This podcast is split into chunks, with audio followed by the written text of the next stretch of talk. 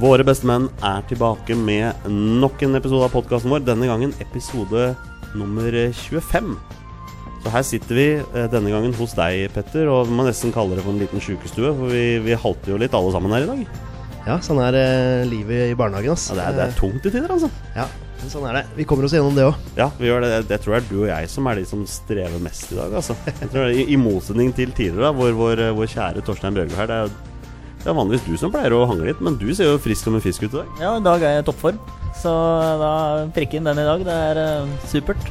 Ja, I dag må man bare knaske de Paracetene man kan, og egentlig bare gjøre det man kan. Vi har, vi har storfint besøk her i dag, eh, gutter. Vi har en, eh, vi har en tidligere tippeligatrener, altså en tidligere tippeligaspiller. Eller het vel kanskje førstedivisjon på den tida, muligens. En tidligere vinner av årets Osloborger i Aftenposten. Nåværende fotballekspert eh, Bengt Åge Eriksen er sammen med oss i dag. Eh, hallo, Bengt. Veldig hyggelig å komme hit med to av tre sjuke. Ja, vi, vi, skal, vi skal holde oss litt unna, så du unngår å bli smitta. Men vi, vi ikke noe omgangssjuke her nå, selv om det er det vanligvis er i barnehage. Det, her er det tette neser og tunge hoder. Så egentlig bare det. Du, du skal være trygg i dag, altså. Vi får, ja, det skal gå fint. Men eh, det, dette Bengt Åge, den, den hører vi ikke så ofte. Det, Nei, det er vel uh, litt også fordi min kjære mor og far heller hadde kalt meg Åge, men Åge var fornavnet til min biologiske bestefar, som jeg aldri traff. Han eh, døde tidlig, men uh, derav Åge som mellomnavn. Men uh, jeg skammer meg ikke, men jeg bruker ikke, og ingen av foreldrene mine bruker det noe særlig heller. Eller eh, faktisk nesten aldri. Nei. Bare la merke til det når vi er inne på fotball.no for å finne litt informasjon her. Så er det stod Bengt Åge. Tenkte, dette er et navn jeg ikke har hørt før. Har du, har du hørt det før, Petter? Nei, det går kun eh, i Bengt hos Ja. meg. Bengt Eriksen. Det, det holder, det. Ja. Hvordan går det med deg, Bengt? Har du det bra? Jeg har det fint. Ja. Ja. takk. Det ser kanskje ikke sånn ut, men eh, jeg eh, går oppreist og går av meg sykdommer. Det får dere bare lære også. Men eh, nei takk, det er fint. Vi er jo her for å snakke om fotball, og vi er jo primært for å snakke om landsfotball. Men du er jo fotballekspert, er- vi må bare si så langt. Og det er jo Eliteserien som er ditt, ja, din jobb, kan vi si det sånn? Ja, Eliteserien har jeg jo fulgt igjen eh, nå i 2017. eh, men jeg har jo fulgt den i mange år. Ja. Det var jo noen år hvor jeg ikke gjorde det. Hvis jeg fulgte den jo, men jeg jobba ikke med det. Nei. Eh, landslaget har også fulgt i mange år på, på jobb og ellers, selvfølgelig. Det er liksom flaggskipet til, til norsk fotball. Og Eliteserien har jeg hatt et forhold til siden, ja, siden jeg ble født. Min far spilte jo også uh, toppfotball, så jeg, det, det har jeg fulgt godt med på. Ja.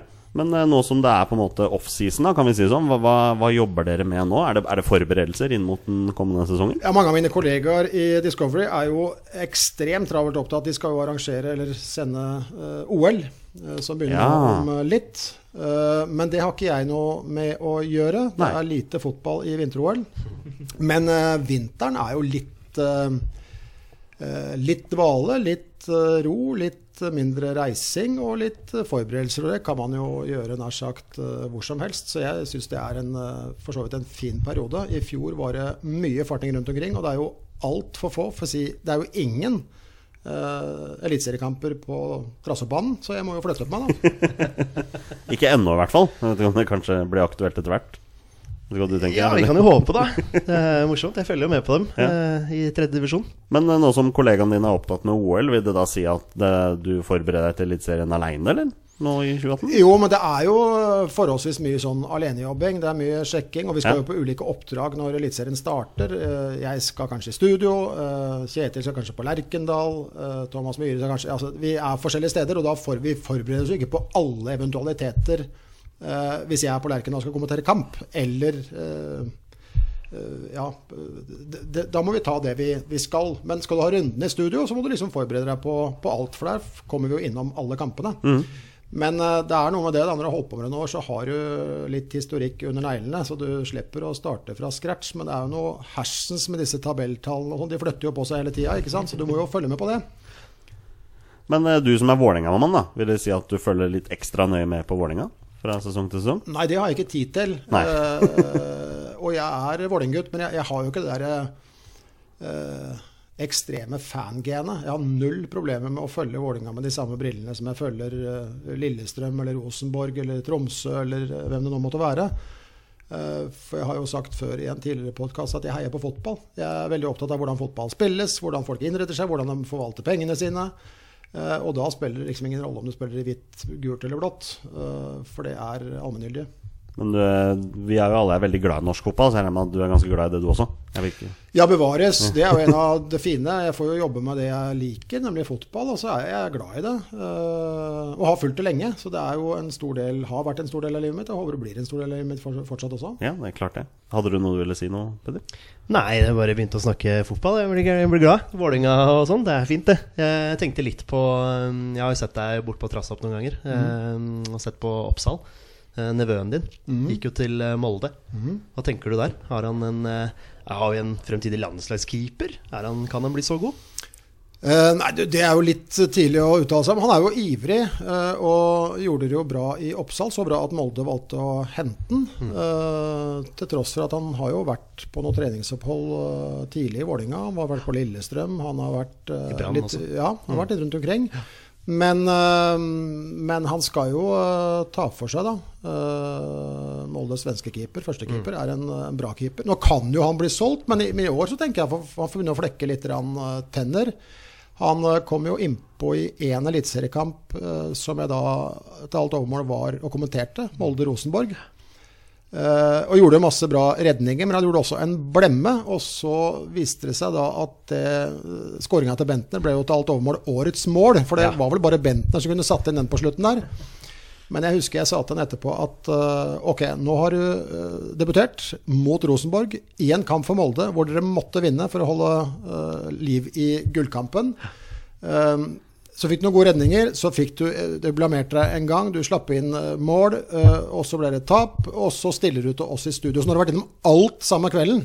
Og det syns jeg er ganske tøft. Og så har jeg lært nevøene mine noen Det går jo en film på, eller, ja, på kino nå som med Winston Churchill. Jeg har lært dem noen sitater av han hadde fått følgende tekstmelding av sin, av sin tvillingbror da senere på kvelden. At uh, 'when you think you're going through hell, keep going'. Så han fikk eh, mye på en kveld, og det har han lært mye av. Det er litt interessant at han da tar det steget til Molde, tenker jeg, da med tanke på hvor mange eliteserieklubber som faktisk er på Østlandet. At det liksom er Molde som så muligheten her. Ja, men uh, Molde er ganske flinke til å reise rundt og kikke på folk. Og det er jo eh, morsomt at du sier det. Jeg tror jo at vi har forsømt oss ganske kraftig, mange klubber, på å spore opp spillere i nærområdet. Eh, for det, liksom noe, det, er, virker liksom litt mer eksotisk og litt mer eksklusivt å hente en fra en annen by. altså Maken til tungvint tankemåte kommer ikke jeg på. Det fins talenter rundt på Romerike. Det fins i eh, Trøndelag. Den fins i Tromsø-området. Vi må være enda flinkere til å kikke rundt, også i Oslo-området, etter eh, gode spillere. For den fins der. Da kan de ha kameratene sine fortsatt. De kan bo der de bor. De er trygge. Det er masse fordeler med det, men da må vi ut og leite litt. Og så må vi se og, og, og da hente dem.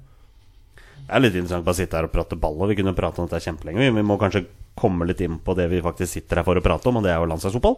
Tenker du, Petter? Skal vi kjøre på? La oss gjøre det. Da gjør vi det. Og skårer! Mini Jacobsen skårer for Norge i en god tyrkisk periode! Ja, som vi nevnte, dette er jo en landslagspodkast. Når vi først har eh, fotballekspert Bengt Eriksen med oss her i dag, så må vi prate litt landslagsball. Bengt, vi snakket så vidt om det før vi begynte å spille den her, men eh, du er veldig opptatt av det at man skal ikke bare Ikke, ikke bare snakke positivt om landslaget, man skal være ganske ærlig. Og du er ganske ærlig på at du syns ikke landslaget har prestert på en stund. Såpass må vi si. Jeg syns vel strengt tatt man skal være ærlig om uh, det meste. Eh, og det er vrient å skryte av noe som ikke er skrytbart. Det har vært veldig få uh, skrytbare momenter med landslaget de senere årene, og det er jo bare å si dessverre til. Men vi kan jo ikke pakke inn, feire under teppet, late som det ikke har skjedd. Vi er vel nå, hvis jeg ikke husker feil, på åt- fem- fem- 58.-plass på Fifa-rankingen. Eh, Det er forholdsvis, eh, forholdsvis lavt. Eh, Vi sliter med å få klubber ut i Europa. Jeg er godt klar over at Rosenborg nettopp har vært i Europaligaen. Men vi er liksom ikke toneangivende på noen fronter. Og, og da kan vi jo snakke til vi begynner å grine om hvor mye positivt det er i norsk fotball. Men jeg, jeg tror den beste oppskriften på å komme seg videre, det er erkjennelse. Og erkjennelsen av at vi faktisk ikke er så gode til å spille fotball. Det er eh, den beste starten på å bli bedre til å spille fotball. Ja, så du tenker det er, det er norske ferdigheter som liksom er hovedproblemet Ja, her? jeg tror ikke det kan være noe særlig tvil om det. Eh, Lars Lagerbäck tok over og debuterte i Nord-Irland. Jeg tror han fikk lettere sjokk da han så eh, hvilke individuelle feil som ble gjort, og, og kollektivt også. Eh, nå er det hans jobb eh, å gjøre noe med det, da. Eh, det tror jeg han er godt rusta til. Han er eh, erfaren, han er sindig, han er analytisk. Han er eh, Det passer dårlig. Skal bare slå av telefonen. Vi pleier å sette på flymodus. Eh, og det tror jeg er veldig viktig. Men det er klart, du selv ikke en superflink mann kan jo trylle hvis råmaterialet, ikke er bra nok. Og det, og det er ikke bra nok. Og det, så er det noen som tenker at vi, jeg og andre sier det for at vi skal gå og skamme oss. Og at det er, nei, det er jo ikke det. Det er en kjen, er erkjennelse av at sånn er det. Og så må vi finne ut av hva vi skal gjøre, og hvordan vi skal klare å bli bedre. Og Hva tenker du da om eh, er Lars Lagerbäck, da, hvis vi kan begynne der? da Du tenker, Er Lars Lagerbäck rette mann til å få Norge på, på rett veien? Jeg trodde det da han ble ansatt, og jeg tror det fortsatt. Ja. Eh, for jeg tror han har eh, forholdsvis enkle spilleprinsipper. Det syns jeg ble veldig vanskelig under Per-Mathias Høgmo. Vi skulle jo ta hensyn til alt mulig. Vi skulle skape en doning som var like god til vanns som til lands. Og det var jo liksom ikke måte på hva vi skulle få til. Glem det. Og så kommer Lars Lagerbäck med enklere prinsipper, eh, som jeg syns vi begynte å se spor av, men dessverre ikke nok til nå. Eh, og så håper jeg han er ferdig med eh, voldsomt mye eksperimentering. Hvis ikke jeg har telt helt feil, så var det tre nye, altså var tre Lars Lagerbäck-debutanter i hver kamp. Han har ni kamper i beltet. Det betyr 27 startere på ni kamper. Det er mye. Eh, Det har ikke jeg noe tro på med et landslag som samles altså ganske sjelden mot hva et klubblag som kan drille nye folk og i ulike roller og sånt. noe. Landslag har noen stopp, og det må en bruke godt. Og da må du velge å velge bort ganske tidlig. Vi regna på det, vi, her i podkast for noen uker siden. Var, var det ikke 33 spillere vi kom til at han hadde brukt da, i løpet av Ja, jeg nevnte startere, altså de som har starta i kampene. Jo, jo, men, men, men likevel, da. 33 forskjellige spillere i løpet av en landslagssesong er også Ja, du kan, du kan jo godt si til hans forsvar da, at uh, kvalifiseringskjøret var, var godt. ikke sant? Mm. Vi skulle ut i noen sånne høkkelkamper nå på slutten, privatkamper. Uh, så- så det er godt mulig at det ga mer rom for å eksperimentere. Men problemet med å teste mange er at du fort kan ende opp med mange flere spørsmål enn du får svar. Fordi å drive og hive inn en tre, fire, fem nye som skal teste seg samtidig Nei, du må, du må nesten ta én eller to om gangen. Altså, Hvis ikke så, blir- så Ramma må liksom ligge der. Det må være noen som kjenner disse rollene godt. Eh, og i så måte så har han bytta mer enn hva jeg trodde han skulle gjøre. Men tror du han har fått noen svar? Altså på hvem han skal satse på? Ja, nå tror jeg i hvert fall han har, han har hogd til den stammen litt. Sånn at den stammen som kanskje var på 25-30, den er ikke på mer enn 15 nå, tenker jeg. Nei. Og så er det noe krydder utover det. Og så får vi jo se da om det blir noen eh, debutanter igjen i, eh, i 2018. Hvis ikke jeg Jeg tror faktisk vi endte opp med fem landslagsdebutanter i 2017. Eh, og, og for guds skyld, vi må gjerne det må gjerne være ti nye som debuterer i 2018. Men da må du jo heve dette her. Det tror ikke jeg skjer. Jeg tror han kommer til å bruke en del av den stammen som han nå har bestemt seg for. Ja. Jeg tror jaggu vår eh, sistemann her, Torstein Børgo, begynte å våkne litt fra dvalen. da. Nå- Noe innspill om å komme her. Ja, eh, Men før Lagerbäck ble ansatt, da eh, var det noen spesielle du håpa på, eller trodde du på Lagerbäck? Nei, Jeg trodde ikke på Lagerbäck, men jeg husker godt at jeg sto på La Manga på den eh, tiden, og da var det jo mange navn som ble nevnt. Men eh, jeg tenkte da jeg hørte navnet hans, at det tror jeg er et godt valg. Det er, det er en voksen mann. eh, det er no nonsense-mann. som kommer inn i garderoben med rette pucker og klare retningslinjer. Og det tror jeg det landslaget skreik etter. Etter en periode med veldig mye tullball og mumling og eh, ja, sånn tøvete språk og, og drømmerier som jeg, jeg, jeg har jo ikke noe tro på det. Det er jo litt sånn som uh, vi som supportere òg. Altså vi, vi, vi, vi, skjønner hva vi ser. eh, og vi trenger ikke at noen pakker det inn i noe sånn svada som det Høgmo drev med. da Veldig glad i Lagerbäck. Han kommer inn og sier akkurat sånn som det er. Og nå har han hatt et år eh, i, i sjefsstolen og har nok, som du sier, også fått eh, sett litt flere spillere fordi vi har spilt en god del kamper som ikke har vært tellende. For å si sånn, siden Han tok jo over et ganske umulig utgangspunkt i, i kvalifiseringen. Men nå kommer 2018 og Nations League, og det blir litt sånn eksamen for, eh, for Lagerbäck. Nå må vi begynne å levere litt resultater. Ja da, det gjør det åpenbart. Og altså, jeg, er jo ikke, jeg er jo ikke så dum. Jeg tenker jo at det Per-Mathias Høgmo gjorde, han, han gjorde jo det for at han hadde tro på dette her. Det er bare at han, han bomma jo kapitalt på måten han ordla seg på. På fraværenhet. Det gikk så og så lang tid før dette var evaluert etter Ungarn, kvaliken med Ungarn osv. Det, det tar seg dårlig ut. Jeg tror eh, supportere og alle som følger norsk fotball, eller fotball i det hele tatt, tenker at det eneste vi forlanger, eh, ikke i anførselstegn engang, det er reale forsøk. Og det er forsøk som vi én har tro på, og som vi ser at blir prøvd eller satt ut i livet. Eh, og så får heller bli et tap, da. Men når du hører om voldsomt svulstige ord om alt vi skulle få til, og, og det skulle bli helt nytt, og fotball hadde jo knapt nok eksistert før, ja, da detter jeg av lasset med en eneste gang. Men uh, hvor vanskelig er det å sitte i studio da og se liksom Norge blir rundspilt da mot Ungarn, og så hører du det derre svada da som Høgmo kommer med? Hvor vanskelig er det å eh, sitte der og skal prøve å gi fornuftig svar liksom, til det norske folk, da, når du liksom ser hvor elendig det er, da, og du har lyst til å være dønn ærlig på det, men du veit det er på TV, og hele landet ser på det, liksom? Ja, men det er noe du trenes ganske fort opp til å ikke tenke så mye på. Altså Hvor mange som ser på, om det er én eller én million. Det er det, det, Jeg må jo si det jeg ser. Eh, Det er min oppfatning av det. Eh, Ikke noe annet, ikke noe mer, ikke noe mindre.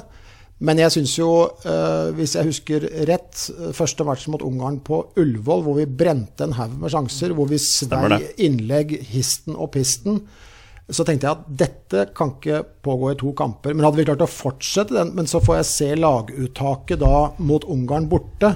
Oh yes. Eh, og Martin Ødegaard er et, en kjempegod fotballspiller og et stort talent fortsatt. Men å hive han utpå i en match med, med, med, ja, drosjesjåfør som bare sier 'gå vekk av guttungen', og så får vi ta oss av dette her. Jeg syns det var vondt å se på. Og jeg tenkte, jeg sa vel rett etter jeg så laguttaket, at enten har han fått innfall eller anfall. Eh, og dessverre så ble det sånn. Eh, så kan du godt si at eh, det er mange som har vunnet kamper nær sagt på tross av hva de har tenkt. Så det, så det var jo mulig å vinne.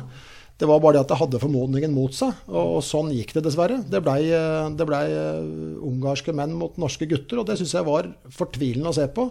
Eh, Å drive og kaste om sånn i en match som var så viktig for så mange. Og jeg tror Hadde jeg sittet i den garderoben som spiller, så tror jeg alvorlig talt jeg hadde trampa skruknotta i gulvet og sagt hva i all verden driver du med? Her skal du kanskje frata meg min eneste sjanse til å komme til et mesterskap, og så skjer dette. Og det er ikke, ikke Martin Ødegaards skyld. Han eh, spiller selvfølgelig, han ble tatt ut på laget og gjorde så godt han kunne. Det var bare ikke det vi trengte i den matchen der. Jeg tror kanskje noe av det mest frustrerende for min del var det faktum at han Høgmo han forsvant jo litt etterpå. Altså, det var ikke noe mye i media, men så kommer han tilbake et par måneder og forsvarer det. Han kommer tilbake og forsvarte uttaket sitt, så han hadde gjort det samme om igjen. Det var litt sånn dråpen for min del, altså. Ja, det, men, men det, altså, jeg må jo nesten tro at han trodde det var det beste. Uh, han gjør jo ikke sånn på fleip, men det var vel eh, Ja, igjen. Innfall eller anfall. Jeg er usikker. Men det er klart, eh, hadde de vunnet, så hadde han jo blitt genierklært. Og jeg får jo for guds skyld håpe at ikke det var motivasjonen hans til å bli genierklært. For det han skulle gjøre, det var jo å ta ut det laget med størst forutsetning for å vinne, og det gjorde han altså ikke. Men i det å da gjemme seg bort i de månedene etterpå, og så i tillegg komme med en sånn Nei, det blei jo helt eh, flaut. Ja, kunne han ikke bare kommet og sagt 'beklager, jeg tok feil'?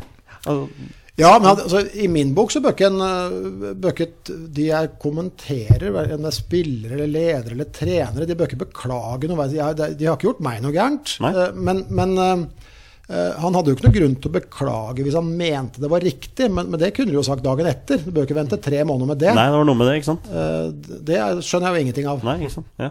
Husker vi var jo på Sentrum Scene, var der vi så den kampen. Det var ikke akkurat kjempegod stemning der når vi så laguttaket.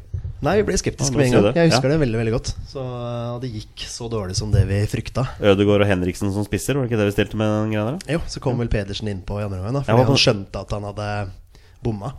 Ja, og, og bare det, ikke sant. Det er jo noe med eh, Hvis vi nå forutsetter at trening har noe for seg, og jeg tilhører dem, da, som tror at trening har noe for seg, eh, så skal du også hive ut på gutter som skal spille eh, Ødegaard som ikke hadde spilt så mye, en Henriksen som ikke hadde spilt i den rollen. Altså, hvor, hvor, er, hvor, hvor er jo logikken? Hvor henger dette på greipen? Eh, Det var liksom nye folk på nye steder i, i en kamp som vi eh, hadde mange muligheter i den første matchen, eh, men hvor innleggene var for dårlig, blant annet. Eh, nei, det syns jeg blei eh, Det syns jeg blei et trist kapittel, Ja. bare. Jeg tror egentlig vi bare kan legge det kapittelet dødt nå. Altså. Altså, Høg, Ja. Høgmo han skal prøve seg Fredrikstad, nede i andre divisjon. Ønsker han masse lykke til der. Nå er det Lars Lagerbäck som gjelder, men eh, 2017 Det blei jo et år med mye prøving, eh, mye feiling. Men, men hvilke spillere tenker du sånn helt Altså, hvilke spillere var lyspunktene da fra 2017? For din del? Ja, var det så mange, da? Uh, Altså, Vi er jo veldig tydelige på at Sander Berge viser seg å være en uh, ganske stor suksess da på landslaget. Ja, men det, det er jeg enig i. Jeg ja. syns jo Jarstein virka god og trygg. Uh, jeg syns uh, Reginiussen var litt ut og inn pga. skader. Uh, syns jeg er sterk. Jeg syns Uh, Nordtveit spilte bedre som midtstopper enn han frykta, men vi har ikke noe. Den sentrallinja vår er litt tynn. Hvis vi går fra Jarstein, midtstopperparet, midtbaneparet og spiss, ja. så har vi ikke akkurat noe, noe jernstang der, altså som vi hadde i tiden med Torstvedt, Bratseth, Berg, uh, Kjetil Rekdal, uh, Sørloth. Altså det, det, det, var noe annet. Men nå var det en annen tid, og nå er vi over i en ny en. kunsten er jo å forsøke å finne noe som kan prøve å ta opp eh, den arven. For uten en eh, god sentrallinje så sliter eh, alle lag. Og det blir spennende. Men, men igjen, du nevnte nå har, nå har han prøvd mange nye spillere. La oss håpe at han ikke gjør det fremover. Med mindre det kommer noen som skyter ut av startblokkene over tid. For, for det er jo en sånn tendens, sånn som at to gode kamper for en som spiller i Heerenveen eller et eller annet annet sted, så skal vi kaste dette inn på det. Det funker ikke sånn. altså Det er ingen som driver sånn. Uh, og, i, og, i, Sverige skjedde jo faktisk det stikk motsatte. Uh, med et uh, Sverige som hadde et ganske dårlig EM-sluttspill. og så forsvinner Zlatan, og så begynner plutselig resten å ta ordentlig grep om dette her. som er litt sånn motsatt effekt, hvor den store stjerna ble borte. Mm. Og så begynte de andre å blomstre. Sannsynligvis fordi at eh, Zlatan hadde, to, eh, hadde trukket seg så mye oppmerksomhet som den store stjerna han var. Så de fleste tenkte at det er han som fikser det, liksom. Mm. Det gjorde han jo for så vidt òg i kvaliken mot, uh, mot, Danmark. Så eide han jo banen i begge matcha. Ja. Petter han nevner jo da Berge og Jarstein her. Spillerne vil trekke fram. Er det noen andre du har lyst til å trekke fram fra 2017? I positivt uh, tegn? Ja, Vi har jo snakka tidligere om backplassene, eh, hvor vi syns Birger Meling og Jonas Svensson har spilt seg veldig opp.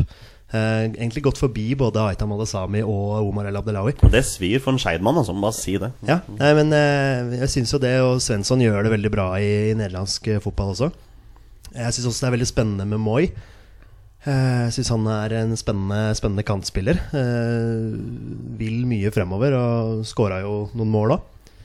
Og så har vi jo Joshua King der oppe, da, som, vi, som, vi, på en måte må holdt på å si, belage oss litt på. Da, at det er han som skal skåre mål for oss, men han gjør jo ikke det. Det er jo ikke så mange skåringer.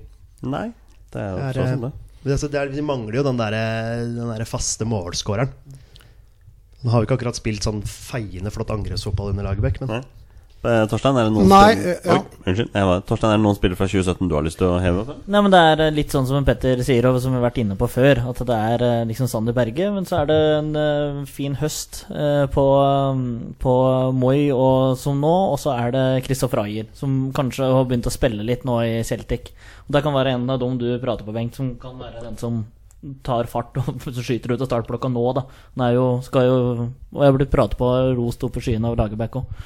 Så ja, Ayer kanskje, ellers er jeg enig med ekspertpanelet. Jo, men ja, Brennan Rogers har vel blitt veldig glad i Ayer. Og hvis han gjør det bra, det er supert. Og da må han gjerne banke på døra, han uh, også. Jeg tenkte på Thorsby i, um, i Herenfeld. Pål André Kirkevold som har øst inn mål i Danmark. eh, som var i en tropp her. Eh, han fikk bare en omgang, da. Ja. Ja, og så har, det blir jo spennende å se hva som skjer med herr Sørloth nå, da. I ny tilværelse i uh, England. Har du tro på Sørloth i Premier League? Ja, det, er veldig vrient å ha tro på det. For mm. det er litt for mange tilfeldigheter. Men jeg tror på gutten. Han er jo bånn seriøs og ja. har, gjort det bra. Yppa seg da han var på landslaget også. Men, men, det er at, ja, men det er noe med at det er ikke, det er ikke nødvendigvis noe quick fix. Altså, det er ingen som kan regne med, i hvert fall gjør ikke jeg det, at han skal være stor stjerne i England i løpet av noen uker. Han har hatt uh, en god sesong i Danmark før han kom dit. Men uh, til det og, Premier League og så landslagsfotball, det er, det er, litt forskjell. Men la oss håpe da, at han, uh, at han havner i, i flytsonen. fordi at det at én mann her i verden finner på å betale 150 millioner kroner eller noe sånt for en spiller, det betyr jo ikke at han automatisk bare blomstrer. Det er én side av saken. Får vi jo for guds skyld håpe at Sørloth ikke skal løpe med hele beholdninga på seg, for da blir det tungt å dra på. Eh, for det er jo noen som tar med seg det at de har betalt så mye for meg, så nå er det så store forventninger her at det låser seg helt. Men, eh, men vi trenger gode spisser. Men vi har, vi har noen, da. En, vi har en Søderlund. Jeg syns Søderlund Tariq er eh, står godt til hverandre. En stor, sterk og en liten kjapp en. Vi har King. Vi har kanskje en Sørloth. Og så får vi se om det er noen flere som, som banker på døra. Men det viktigste for Lagerbäck er jo eh, de åtte-ni. Jeg er enig med de sidebekkene. Jeg syns både Meling og Svensson er det stort sett reint på stasjonen hos. Han uh, gjør en eh, bra jobb, men vi mangler uh, litt spørsmål om hva som skjer med Stefan Johansen nå, som har vært eh, kaptein, og som fikk uh, eh, Ja, så ikke helt patent ut på slutten på landslaget, men, eh, men la oss nå håpe. Det skulle faktisk være mitt eh, neste spørsmål. Var er nettopp det om hva du tenker om Stefan Johansen som kaptein for landslaget.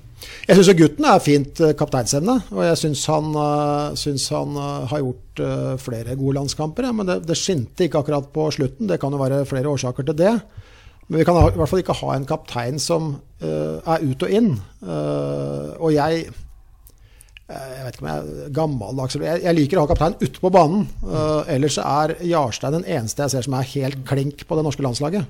Vi har hatt den diskusjonen før her, vi, hvem som skulle, eventuelt skulle vært kaptein utenom Stefan. Og vi har også bare kommet til at Jarstein er på en måte den eneste som, som peker seg ut der. Men jeg er akkurat som deg.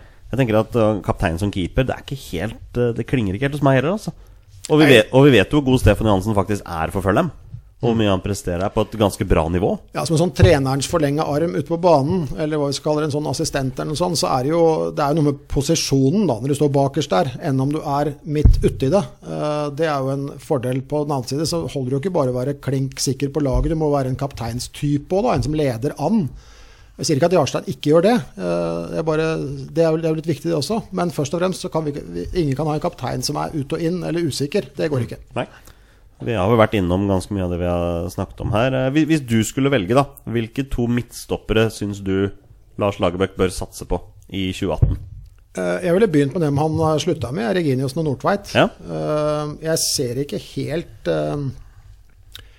hvem vi skal pare Reginius med, for han syns jeg var strålende god i 2017-sesongen for Rosenborg og de kampene han hadde på landslaget. Men uh, Nordtveit klarte seg bedre som topper på slutten enn eh, enn jeg kunne frykte, for han har ikke akkurat blomstra på klubblaget, han heller. Han har ikke det, vet du. Men, eh, men jeg er jo sånn at jeg gjerne vil gi folk litt tid for å få ting til å sette seg litt, og forhåpentligvis så gjøre, så gjøre det. Men skulle det komme opp noen som banker på døra, så må du da være bedre enn Nordtveit avslutta. Det kan jo bli bra. Men da skal du jo pares med Reginiussen igjen, da. Som også kan ta litt tid. Det er jo det er jo sånn at når jeg reiser rundt og spør om folk hører, har hørt om Frans Beckenbauer, så sier jo alle ja. Eh, Men når jeg spør hva makkeren het, så begynner alle å flakke med blikket. Husker dere hva han het? Nei, absolutt ikke. Nei. For min tid. Men han er altså mangeårig, eller mange ganger klubbemester med, i Tyskland. Han er europamester, han er verdensmester, så han har vært med på litt. Men uh, poenget er at de var jo dønn forskjellige. Han heter forresten Hans Georg Schwarzenbeck. Ja, så ut som høyblokka oppi veien her og rydda vekk all dritten, så Beckenbauer bare kunne stå der og skumme fløten. Ja. Men sammen så utfylte de hverandre ekstremt godt, og det er jo litt av poenget. Ja. En, når, når, klubber sier at vi skal hente en midtstopper, så tenkte jeg ja, midtstopper eh, Skal du ha Schwarzenberg-typen, eller skal du ha Beckenbauer-typen? Eller hva, hva slags En midtstopper er jo ikke en midtstopper. Nei, ikke nå lenger, i hvert fall. Og for å fylle ut hverandre, så må det jo også være litt grann forskjellig. Ikke sant? Men hvem er dine nærmeste utfordrere på stoppeplass? Hvis det er Nordtveit og Reginiussen som er, er satt nå, hvem er det som er, eh, er nærmest til å utfordre de? Ja, si det. Uh, problemet er jo Problemet er at vi har ikke så jævla mange gode midtstoppere. Uh, nå har vel Nå har vel Odd-trener dag vel Fagermo snakka om Semb i mange år. Eh, det gikk ikke veldig fint med han i 2017-sesongen heller. Altså, så Hvis det er den nye landslagsstopperen vår, så, så tror jeg han må opp et par hakk. Jeg tviler ikke et øyeblikk på at han ikke gjør så godt han kan, men, men eh, det er foreløpig ikke godt nok. Rosted, akkurat gått til belgisk fotball. ja, Rosted, men veldig fersk på landslagsnivå. Da. Og, Ja, og igjen, nå har jo, det har jo, gikk jo rett opp i, i, her hjemme i fjor, ikke sant? Og det, det går ikke alltid rett opp veldig lenge. Eh, men han er jo selvfølgelig en kandidat, eh, og har gjort det veldig bra. Men uh, Rosted Han har ikke debutert på landslaget ennå heller. Nei, han venter ikke jo det. på landslagsdebuten hans. Han har vært med i Vært tropper. med i tropper, men har ikke fått, ikke spille. Nei. Nei. Hva med Gustav Valsvik, da? Ja, men han er jo en litt sånn Schwarzenbeck-type. Det er en minerydder, eh, Ja. og en eh, god en sådan, som stanger vekk og står i. Hvem, og da, hvem skal vi da ha til å være litt spillende ved siden av han, kanskje? Eh, kan jo være Nordtveit, de har vel prøvd seg i et par kamper her. Eh, men Valsvik trenger vi jo ikke å glemme. Men, men da får vi en annen type enn både Reginiussen og uh, Nordtveit. Men eh, Valsvik er jo en av de eh, tre-fire som er kandidater til å spille stopper for Norge, selvfølgelig. Jeg personlig syns han var litt svak eh, når han fikk sjansen på landslaget i 2017. Blant annet den Noreland-kampen som vi snakket om, den bortekampen. Vi var jo der. Ja. Eh, Petter, vi satt på tribunen og så det at det var ikke akkurat den beste landslagsdebuten noen kunne hatt. Nei da, men der er jo Der var det mange som var dårlige, da. Ja, det, ja, og det er jo litt sånn vi, vi sitter og ser en god del på. Eh, en midtstopper, da. eh, det har jeg prøvd. Eh, det har ikke så mye med meg å gjøre, men det har med rollene å gjøre. Eh, en midtstopper får jo mer trøbbel enn han ellers ville fått hvis de to foran ikke gjør jobben sin. Eh, og hvis de to foran der igjen heller ikke gjør jobben sin, så får han i hvert fall kjempemye å gjøre. Og eh, hvis ikke jeg husker feil, den Nordland-kampen, så skjedde vel noe feil foran der også. Ja da, som gjør at det fort blir følgefeil. Eller iallfall at han havner i situasjoner hvor han ikke er på sitt beste. Hvis det med jobben sin, så hvis du spiller en poleball opp i området Valsvik, så tror jeg ikke du bør lure på om han vinner en 8-9 av 10. Absolutt ikke. Men uh, hvis forutsetningene er annerledes, langs bakken f.eks., ja, da vil jo han slite. Ja. Torstein Børgo, dine forslag til midtstoppere i 2018? Nei, det her er uh, vanskelig, altså. Jeg syns det er et uh, ja, sårt tema, skal jeg nesten si. Det er uh, Reginiussen og Nordtveit, men nå er det jo nesten ingen som vet hvor Nordtveit har blitt av. Nå, vi han er i Tyskland, men han har jo ikke spilt på en stund. Han ble jo, ja, eh, for å prate litt sykt, rævkjørt mot Liverpool i debuten sin eh, i august. Og så har det vel vært litt sånn som så som så etter det. Skjelvik har dratt til USA. eh, eh, bomma mot Slovakia i treningskamp der. Det blir Nordtveit og Reginiussen for eh, meg òg, altså. Eh, kanskje Ayer, men det blir liksom bare å kaste ut et navn, da. For det er ingen har uprøvd på landslagsnivå. Så nei, Nordtveit Reginiussen for all del. Hva med deg, Petter, hvis du skulle velge? Nei, det, det er jo, har jo vært mitt ønske i et år at Nordtveit og Reginiussen skal spille sammen. Jeg syns de spiller veldig bra sammen nå. Eh, jeg syns det er tynt bak. Jeg syns det. Men eh, jeg tror nok Lagerbäck er veldig nære det å ha satt et lag nå. Og da vil jeg tro at eh, en backfirer består av Birger Meling og, og Jonas Svensson på, på bekkene, og så har du Reginiussen og Nordtveit som stoppere. Men det er, ikke, det er ikke så lett som vi ofte skal ha det til. Altså Hvilken midtbaneduo, forutsatt at vi spiller med fire på midten, da, hvilken midtbaneduo kan ta av nok for midtstopperne våre? Eh, hvilke har vi der? Uh, hvis vi tenker oss en uh, Sander Berge og en Henriksen f.eks. Tenker ikke mest på hva de gjør uh, fremover på banen? Eh, da må vi rett og slett eie banespillet i mye større grad enn vi gjør. Jeg eh, kan ikke huske, eller jeg er helt sikker på, at de eneste spillemåla vi har på de ni kampene til Lagerbäck, de kom mot San Marino. Stemmer det? Resten er etter innlegg, etter dødball eller selvmål av motstanderlaget. Eh, og det betyr jo eh, i klartekst at vi, vi, vi driver ikke og kjører over lag og får noen kontringer imot oss. Altså, vi sliter med flere faser av spillet her. Og da er det ikke alltid så lett å bare si eh, du sto i veien akkurat da det skjedde. ikke sant? Ja, men hva skjedde før der igjen, da? Eh, og, og før der igjen? Eh, Litt sånn, og Det er jo det som er det vriene med å, å vurdere spillere isolert sett, og ikke i en lagkontekst. Vi, har jo, vi, vi kunne jo sitte og prate landslagsfotball kjempelenge. Merker jo det. Eh, vi har fått noen spørsmål fra lyttere, men, men jeg, jeg bare lurer på en ting. 4-4-2, det er jo formasjonen Lars Lagerbäck sverger til. Det er systemet han sverger til. Ja. Men syns du 4-4-2 er riktig vei for Norge? Du, det der er eh, Jeg har et ganske avslappa forhold til eh, system. System er jo tallkombinasjonen, som du nevner. Og en formasjon kan jo være Du kan jo spille 4-3-3 på forskjellige måter. Uh, Nils Arne Eggen spilte med Sverre Brandhaug i front av den trekanten på midten, men så kom Bent Skammelsrud, og så lå han bak de to på midten, med begge deler av 4-3-3. Eh, Men han har jo klokkertro på det, og, dermed har han også gjort seg ganske mange tanker om hvordan det skal utøves i praksis. Men det han må, eh, er jo rett og slett å tenke Har jeg de spillerne som bekler de rollene i Norge? Eh, Han hadde det åpenbart på Island. Men folk, trenere, som sier at 'jeg er 4-4-2-mann', eller 'jeg er 4-3-3-mann', da begynner jeg å klø litt på ryggen. For er, er du ikke fotballmann, da? Eh, Du må jo faktisk ha noe som passer til de rollene som skal utøves i de, fire, eller de ulike systemene, eh, skråstrek formasjonene. Og har du ikke det, Så får du hive om på tallkombinasjonen, som ikke er noe annet enn en tallkombinasjon. Men uh, igjen, uh, 4-4-2 kan utøves på, på, flere måter, akkurat som 4-3-3 kan det. Det er jo en veldig bra svar, det. Veldig bra svar. Hvor er det plass til, hvor er det plass til Martin Ødegaard? Martin Ødegaard uh, ser jeg vel for meg som en ja, kanskje en hengende spiss, eller en som kan ligge bak der. God med ball, flink med gjennomstikkere osv. Eh, men du skal også være forsiktig med å kaste om på for å få plass til én. Da, da må det være flere faktorer som taler for å, å hive om på noen systemer. Men uh, i et 4-4-2-system så ser jeg ikke for meg det jeg har sett av Martin Ødegaard sist. i hvert fall, at Da blir han en kantspiller. Mm.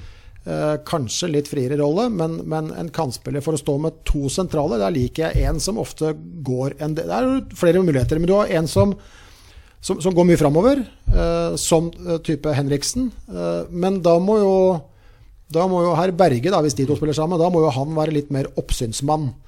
Det var jo Kjetil Rekdal veldig flink til. Han var jo en oppsynsmann, en vaktmester, og det sier jeg egentlig av beundring, for det er en veldig viktig del av jobben. Se hva det er som er på vei fram nå. Hvilke soner må jeg kontradekke? Det er å lese spillet, og det er av uvurderlig viktighet. Og sånne typer mangler vi, rett og slett fordi at vi i flere år, for ikke å si tiår, Eh, også blant yngre spillere så har vi sett på de som løper fortest, de som løper mest. Men vi har ikke sett på tenkerne. Eh, og derfor så er vi fattig på den type spillere på, på midten. Ja, skal vi, skal vi, bare kjøre på og høre hva våre lyttere har å si, eller? Ja. ja. Da gjør vi det. Har vi lyttere òg? og innlegget, heading! I mål! I mål fra luftens baron! Mine Jacobsen! 1-0 til Norge. Og vi ser ikke det så veldig ofte at Mini skårer med hodet. På forhånd så annonserte vi at eh, Bengt Eriksen skulle komme til oss i dag. Eh, Bengt, eh, vi har fått noen spørsmål fra noen av våre lyttere og følgere. Og da begynner vi med en herremann med navn Davy Vatne som rett og slett er med på Twitter. Og han spør jo hvordan synes du selv du klarte deg som lagleder på La Manga? Spør for eh, TV 2, Jon, Jon Hartvig Børrestad. Dette her ble jo en stor diskusjon. Kan, kan, ikke du bare fortelle oss, hva, hva, går dette her ut på? Ja, Nå måtte jeg begynne å tvitre, og det er jeg ikke så veldig god til. Men uh, min uh, Min mentor Davy han spør godt. Vi spilte, vi bodde i et hus sammen på La Manga, og Davy, Jon, Kristian Oma og flere med meg og så skulle vi spille fotball. Og det gikk vel ikke helt som vi trodde. Eh, og da kom jeg i skade for å komme med litt sleivete meldinger til uh, Jon. Uh, det har Davy helt rett i. Og så, så, er han veldig glad i å dra opp den historien, som han gjorde igjen i dag. Men vi har heldigvis ledd litt mye av det, da. Ja, Du nevner her det, det kan ha blitt en overdose realitetsorientering. Eh, litt for kort tid til å få et potensial her. Ja, og litt av det vi var inne på. Så, så for å gjøre en veldig lang historie kort, så, ja. så trodde vel Så trodde vel eller jeg fikk i hvert fall inntrykk av at Jon trodde han var mer Beckenbauer, mens jeg helte litt mer til Schwarzenbeck. Vi er der, ja. så, så, det var litt ulik oppfatning av uh, ferdighetsnivået hans der og da. Så kan du godt si at det var litt sleivet av meg å utbasunere det. Det var kanskje litt blanding av frustrasjon og, og annet. Men uh, jeg har heldigvis et godt forhold til både, til både Davy og Jon og alle som var ute på den banen der. Så, men uh, jeg, og det, på toppen av det hele, altså, akkurat idet jeg slapp den kommentaren, så kom det selvfølgelig en delegasjon fra Vålinga forbi.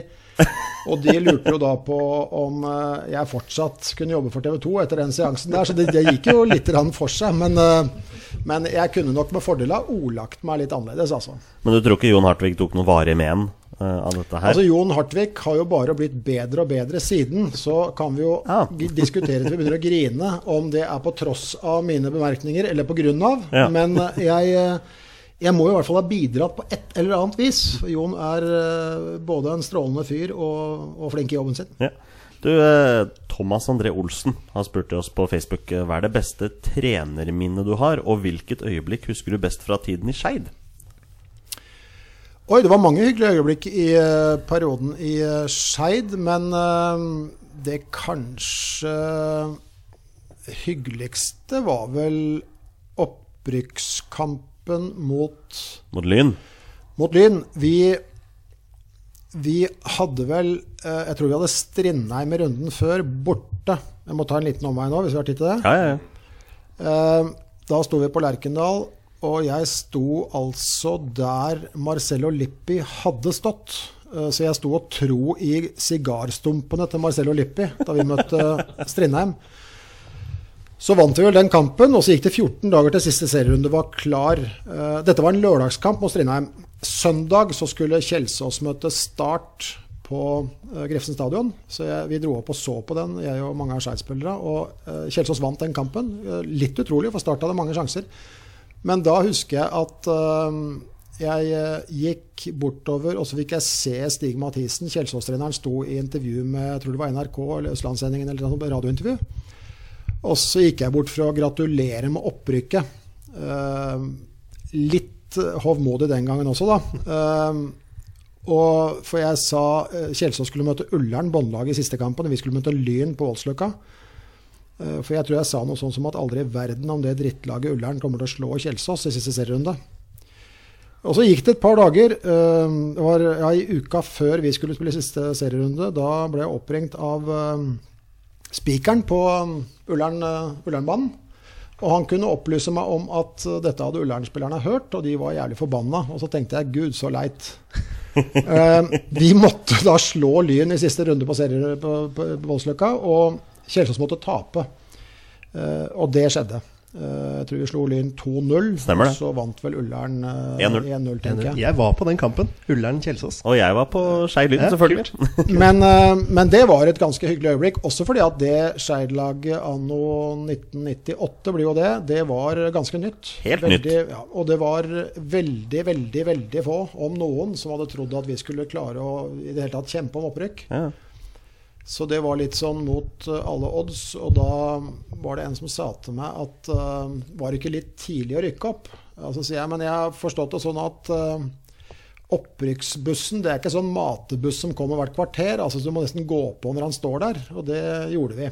Uh, og så fikk vi jo det jeg trodde var det siste amatørlaget i vår øverste divisjon, som det Skeid-laget var i 99, for vi jobba jo fulltid ved siden av. Og, Ja.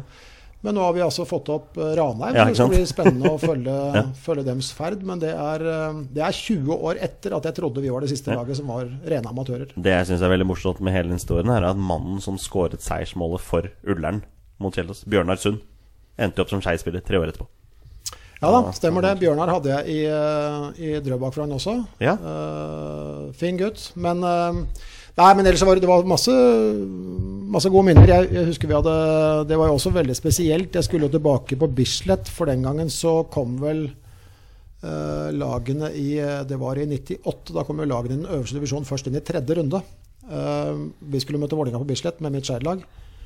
Eh, og så hadde jeg glemt det et eller annet i garderoben, så jeg, jeg kom ut og fikk satt meg vil si, jeg fikk ikke satt meg, eh, for rett før jeg fikk satt meg ned, et minutt eller to ut i kampen, så leda Vålerenga 1-0.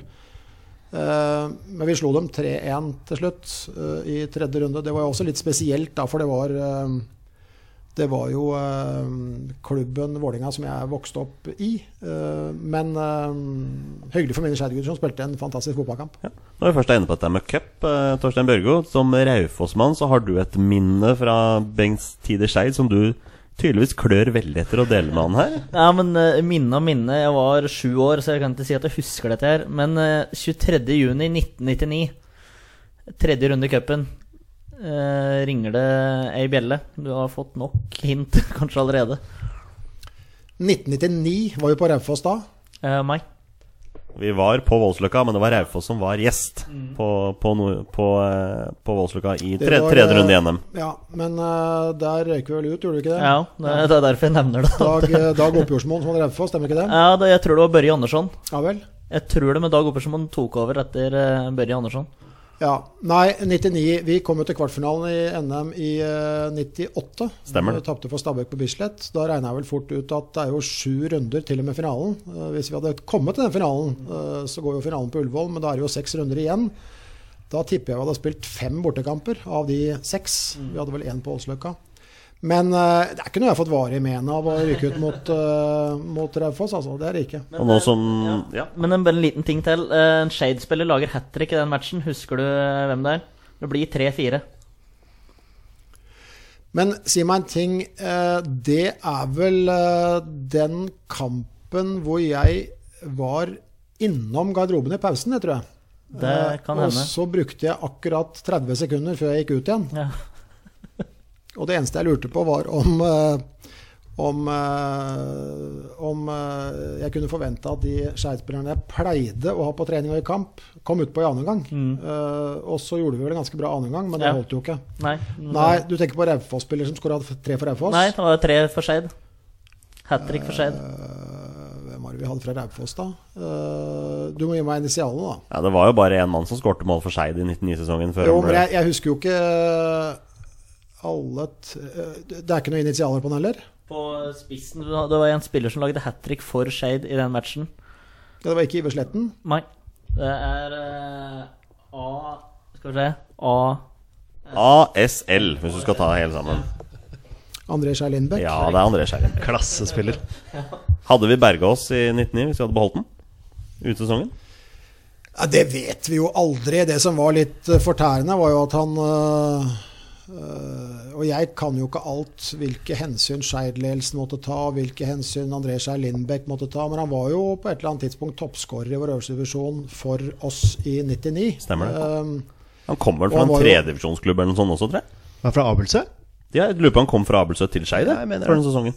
Ja, altså i hvert fall så Jeg hadde jo Jeg henta jo André Skjær Lindbekk til Drøbak Frogn fra Nordstrand i sin tid. Eh, Det var veldig tidlig, men jeg likte jo typen, og han eh, gjorde det ganske bra for oss. Men det som var fortærende, i hvert fall da, var eh, noe så enkelt som at vi eh, vi var det eneste amatørlaget i vår øverste divisjon, og så kjører vi, vi kjører jo olakjerre i et uh, Formel 1-løp. og når vi nærmer oss oppløpet, så blir liksom rattet vårt borte. Det syns jeg var litt dritt, når vi da hadde snekra sammen denne doninga sjæl. Og det, det hadde vi jo bokstavelig talt gjort. Vi pussa jo opp vår egen Vi bytta jo bort treninger for å få pussa opp Voldsløkka, så den kunne brukes. For ellers hadde det ikke blitt gjort. Eh, Kommunen hadde jo ikke verken tid eller penger til å gjøre det, og da sa vi at det, da får vi gjøre det sjøl. Så det var jo veldig, var en veldig morsom og berikende tid. Men uh, vi får aldri svar på og Sånn er jo Sånn er det jo ofte i fotball, da, at du, du vet hva utfallet er med, med, med det. Med, han var borte, men vi vet ikke hva utfallet ville blitt. Hvis, men det hadde i hvert fall ikke svekka mulighetene våre, for han eh, var jo en vi kunne lene oss på i noen matcher. Ja, jeg blir jo bare glad om jeg sitter og prater Skeid. Men, Men, men nå er det en landslagspodkast, vi må komme på noen landslagsspørsmål her også. Eh, Vår faste lytter, Sedenek eh, Soposek, han spør hvem skal score for Norge? King scorer meget litt i England, Sørloth scoret i Danmark, men ikke i nærheten for Norge. Eh, Mars og OI er ikke førstevalget i troppen til Lars. Så hva tenker vi? Hvem skal score for Norge? Blir det King? King kan jo skåre. Søderlund kan jo skåre. Tariq kan jo skåre. Men, men de må gis noe mer å bite i, tenker jeg. Altså, det er jo lett igjen da, å isolere én spiller og skyte på han. Men uh, hvor mange muligheter får dem? Eh, det er jo ikke sånn at uh, noen av de tre nevnte nå har vassa i muligheter. Da ser jeg bort fra at Tariq selvfølgelig burde spilt Søderlund, uh, da han ikke gjorde det. Skal vi gå inn på den igjen? for det gjør, det gjør han jo 999 av 1000 ganger, men han gjorde det ikke den gangen her, og det var gang 1000. Men, men også tatt i betraktning at vi ikke vi kun har spillemål mot San Marino, så, så, så mangler jo rett og slett Vi mangler jo slagkraft i angrepet for at de spissene våre skal få flere bud om skåringer. Og da kan jo de tre, eh, med sikkert flere, skåre, men, men det, ser litt, det ser litt tynt ut. Det er ikke noen notoriske måljegere vi, eh, vi har på topp der. Men, men igjen, da, hva gjør du med det? Skal du sette deg ned og grine? Skal du se håpløsheten rett i øya? Eller skal du prøve å finne ut av hvordan vi skal få utnytta de eh, potensielt beste kandidatene våre enda bedre? Tenker først og fremst Hvordan skal vi begynne å skape sjanser? Altså De to siste kampene mot Makedonia og Slovakia Så jeg tror ikke vi produserte en målsjanse omtrent. Det var fryktelig lite, altså. Ja, dårlig, en... dårlig innleggskvalitet. Ja, det òg. Ja. Veldig dårlig. Fryktelig. Ja.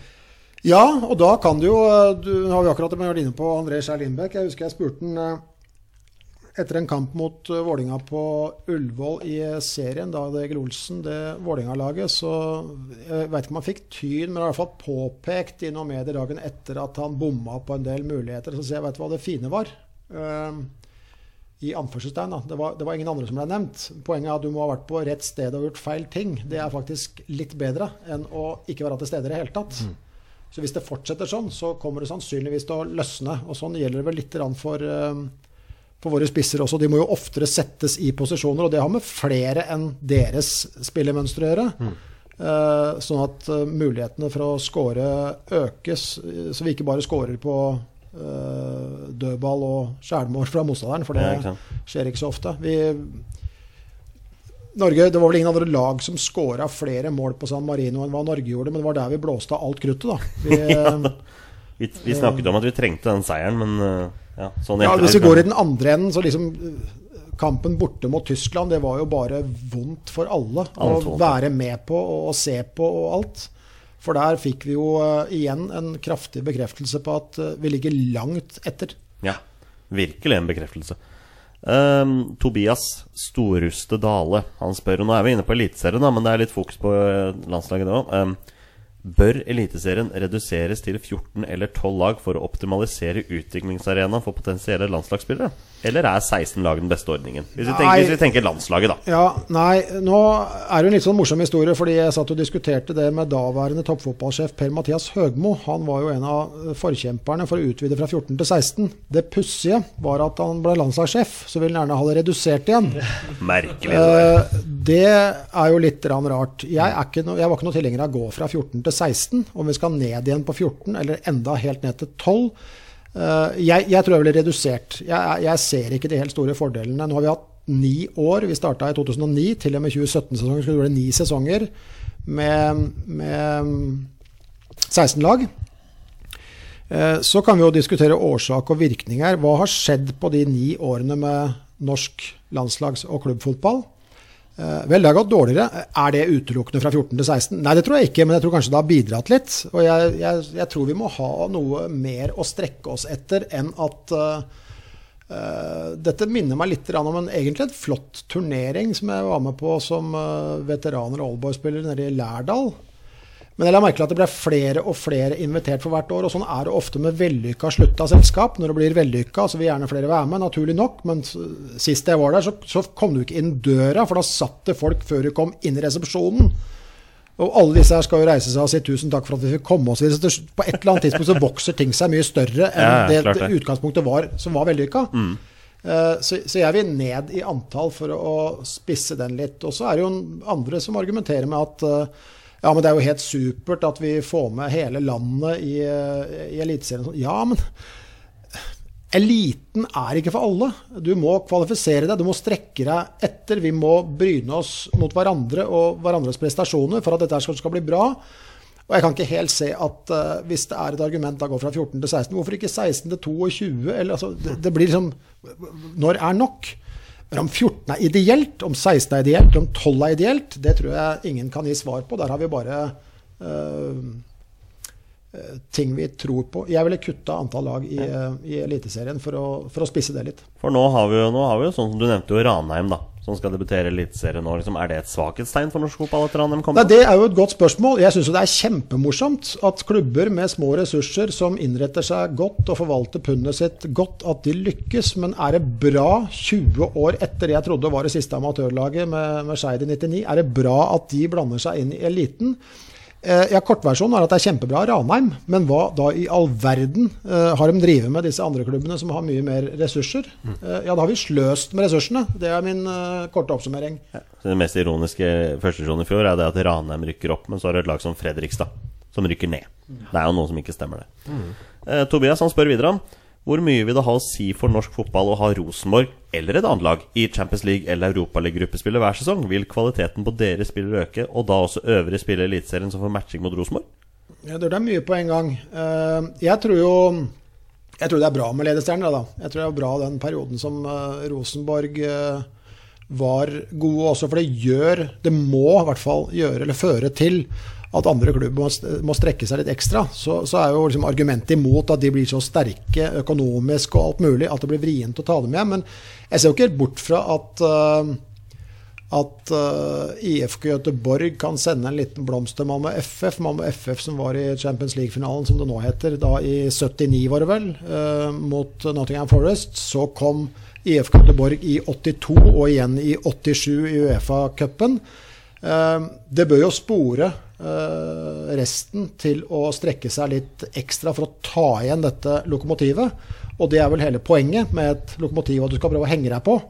Uh, uten at det blir helt uh, hals over hode økonomisk. Det har vi jo ikke helt lykkes med, selvfølgelig. Men, men jeg tror det er bra. Jeg tror det inspirerer mange flere. For det kan jo ikke Motsatt resonnement er jo liksom at Nei, Vi håper ikke det er noen lokomotiv, for da kan alle slappe litt av. Så kan vi likevel være med å få en medalje her og der. Det blir noe slapt. Og det er ikke sånn det fungerer ute i Europa og verden. Altså, der stikker de av de som har muligheten, og så får resten uh, plundre med uh, både mål og hvordan de skal forsere terrenget. Litt, uh, litt på forskjellig vis, selvfølgelig. Men jeg tror det er bra. Må jo prøve å få et innspill fra min side her med Hermansen, som tross alt har et lag i Eliteserien. Hva tenker du? Ledestjerne i Eliteserien, er det bra for norsk fotball? Jeg er veldig for argumentet som Bengt sier, det med å strekke, ha noe å strekke seg etter. Det tror jeg alle er tjent med. Det kan bli litt sånn hvilepute hvis man ikke har noe å, å strekke seg etter. Uh, i forhold til utvikling. Så ja, jeg er helt med på den. Jeg kjøper den at det er fint å ha et flaggskip. noe å strekke seg etter. Jeg er litt redd for den økonomiske biten hvor de da bare kan hente hvem som helst fra alle de andre eliteserieklubbene og svekke de andre klubbene, litt som Rosenborg holdt på i en periode. Ja, jeg, jeg vil egentlig Det jeg ser på som litt uh, trøblete der, er jo at vi er jo ekstremt glad i å herme. Uh, og hvis et lokomotiv, da, nærmest ligger jo Rosenborg an, selvfølgelig, mm. så, skal vi gjøre, så skal vi bli like gode som Rosenborg, eller bedre enn Rosenborg, på måten de har gjort det på. Mm. Det går faktisk an å ta med en på andre måter også. Hvis ikke, så hadde ingen av dere som sitter her, hørt om Østersund. Nei, det er veldig sant. Ikke jeg heller. Så det er flere veier til mål, men da, mm. det krever litt tenkning. Altså det krever litt kreativitet, det krever litt omfinnsomhet.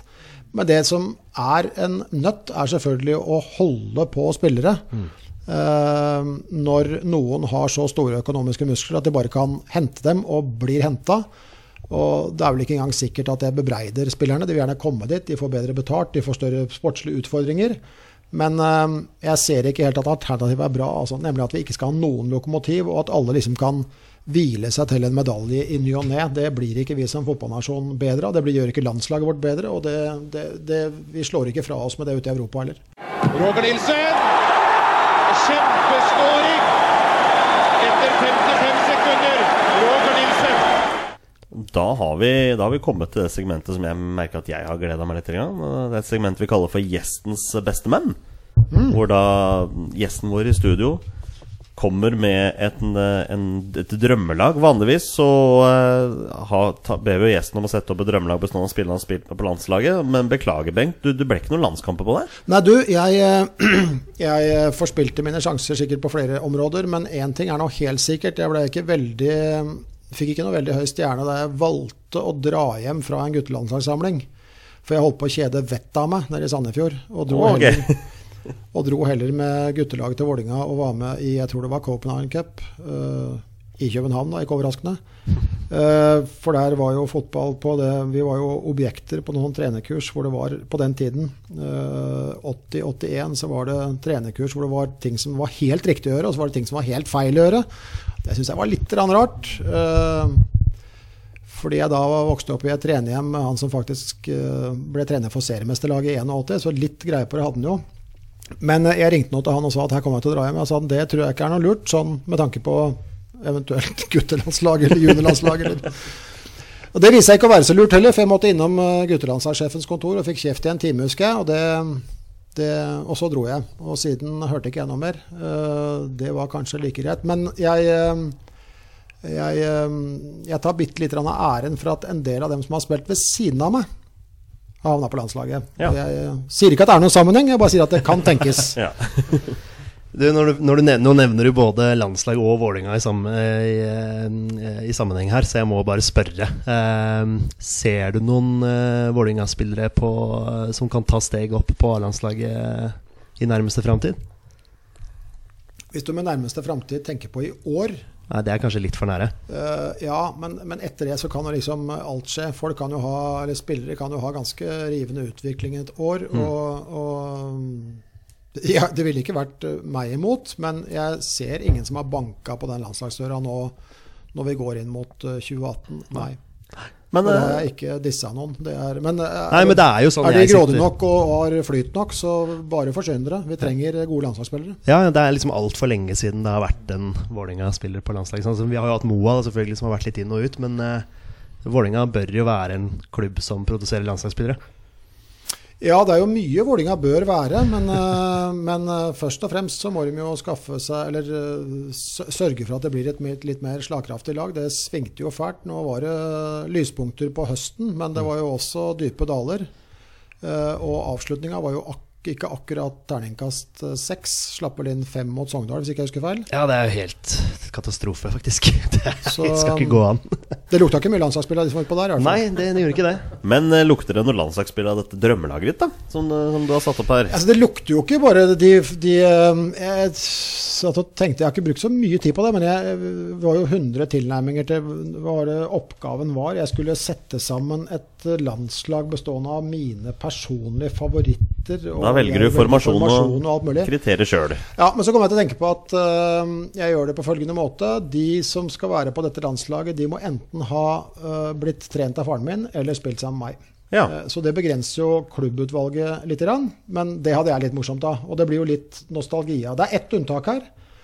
Rett og slett for at han var best i klassen. Ja. Men eh, også er jeg ikke sikker på om eh, om han Det kan jeg komme til, for jeg skal kanskje da dra gjennom det laget. Det var litt av planen, Jeg er usikker på om han ene Jeg skal kommentere det kort. Nei, det laget jeg gjerne ville sett på banen Vi skal spille i et 3-4-3-system. Ja, offensivt.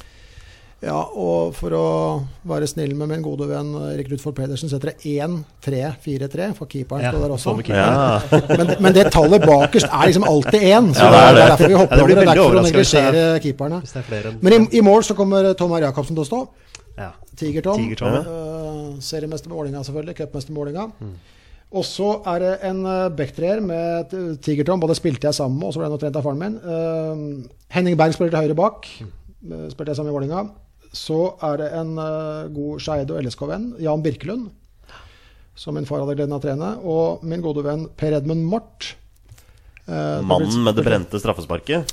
ja, jeg er, jeg er ganske ofte i Barcelona. og Når jeg, når jeg er der, så Uh, Når, ja. Hver gang. Uh, så pleier jeg å huske å sende en tekstmelding om at jeg fant ikke ballen denne gangen heller. Uh, men han Det skal sies at han hadde fryktelig tunge kår. da Disse stjernene ville jo ikke ta, og han sto der og var jo han- påsto han varma opp, så kom det jo lommekniver fra tribunen. og Så det, var, det var liksom ikke som å øve på straffer på Kolbotn, altså.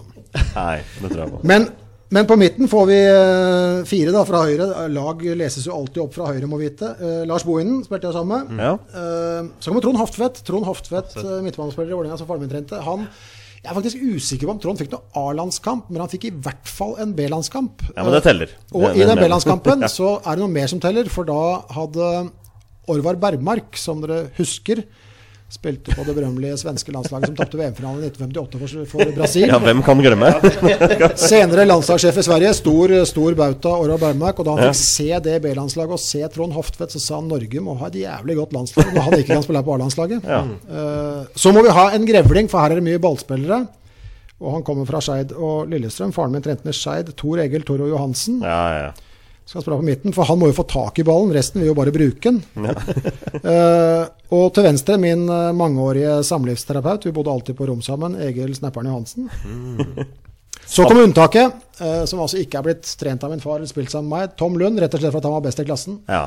Eh, Da jeg vokste opp, jeg er født i 65, så, og på, utover på 70-tallet altså bare, bare sjekk hvor Ajax og Bayern München var på europakartet på 70-tallet. De ville hente Tom Lund fra Lillestrøm. Så må selvfølgelig Odd Iversen være med. Siste sesongen uh, faren min trente ham, var i 79. Da ble han toppskårer i uh, vår øverste divisjon med 16 skåringer. Og så uh, Det er mye tungt målskyts framme. Altså, så får vi si, altså det, er, det er angrepstungt, dette laget, men Pål Jacobsen må være med. ja. Pål Jacobsen som både løp fort og skøyt hardt. Og Og blei eh, toppskårer også. Men det er, eh, det er, det landslaget jeg syns hadde vært eh, morsomt. Jan Birkelund kommer til å få mye å gjøre her. Eh, for, for, her er det Ja, han og Henning får ta seg av. Per Edmund var også glad i å gå framover, men ellers er det mye foroverskyts. Og en, en uh, Tore og Jan Birkelund som kjenner hverandre godt fra Skeid og Lillesund-tida, de får uh, holde fortet, dem to. for et lag! Det er gøy. Ja, der er det mange legender. Det er morsomt å snakke om at han får mye å gjøre. Vi hadde jo Moa på gjest her for litt siden. Han satte jo også sitt eget drømmelag, og da satt han så tre bak. Og da hadde han jo Brede Hangeland i midten, og så hadde han vel eh, Omar El Abdelawi på høyre. Og, så, Haitam, og Haitam på venstre. Han snakket om det. Brede kommer til å få ekstremt mye å gjøre på det laget der. Og ja, og nå er jo Vi husker jo gjerne det første best, da. Dette, dette, var jo eh, stjerner Mange av dem var jo stjerner da jeg var eh, liten gutt. Og dem, altså Tom Lund, Trond Hoftvedt, Odd Iversen, Jan Birkelund, Torro. Uh, men, ehm, men, i sin samtid så må ingen lure på om det var bra fotballspillere. Så kan du godt spille Det er jo masse navn her som uh, ifølge min far, uh, Roar Kniksen Jensen, var jo helt eventyrlig. Brann og Hearts og greier. ikke sant? Men, men jeg, jeg, så jo ikke Kniksen. Uh, altså Jeg har sett noe glimt av han, men jeg har jo ikke men Tom Lund rakk jeg jo å se uh, da han herja som verst på, på 70-tallet. Ja. så, så dem har jeg et mye mer forhold til. Men det er jo masse store kanoner både før dette, deres tid og etter deres tid som eh, bevares. Hadde Men det er ikke plass til meg en her heller, da. nei, jeg savner jo deg, da. På dette laget. Ja, nei, men jeg kan, eh, jeg kan være landslagssjef, jeg, da. Så For jeg, eh, jeg Den eneste jeg ikke jeg har bare snakka med han, men jeg kjente, eneste jeg ikke kjenner her, er, eh, er Tom Lund. Men jeg kunne godt tenkt meg å snakke fotball med Tom Lund. Han tror jeg har eh, fortsatt veldig mange kloke fotballtanker. Jeg tenker hvor god Tom Lund Eller Han var jo kjempegod, men hvor god kunne han vært hvis han hadde dratt utenlands? liksom? Ja, men da er vi tilbake til André Skjær Lindbekk-sporet. Det ja, får vi aldri svar på. Nei, det er noe med det. Eh, men igjen, altså Jeg husker jeg satt og leste aviser som guttunge og så på TV om eh, Bayern München. Uh, Ajax det, det, var, det, var, store ting som, som, De var altså kanoner i Europa på den tiden. Og Ajax, som da skulle finne erstatteren etter mester Cruyff Det var ikke noe småtteri. Men han av eh, alle ting er jo han den eneste som kan svare på hvorfor han valgte å bli på Lillestrøm og ikke dra videre. Ja. Vet du hva? Jeg har kost meg veldig i kveld. Jeg synes dette har vært fabelaktig. Ser ut som du er ganske fornøyd nå, Petter. Veldig fornøyd. Ja. Nå skal vi spille en runde med 20 spørsmål, Bengt. Har du lyst til å bli med? Ja, ja men har jeg noe valg da? Det er vel, eh, jeg får henge meg på, da. Jeg er ikke, jeg er ikke noe quizmaster, men det, bare kjør på, du. Nei, men du har, du har, to som begynner å bli proffe i gamet, som sitter her sammen med dere. Er, er dere klare, boys? Jepp. Da kjører vi en runde med 20 spørsmål.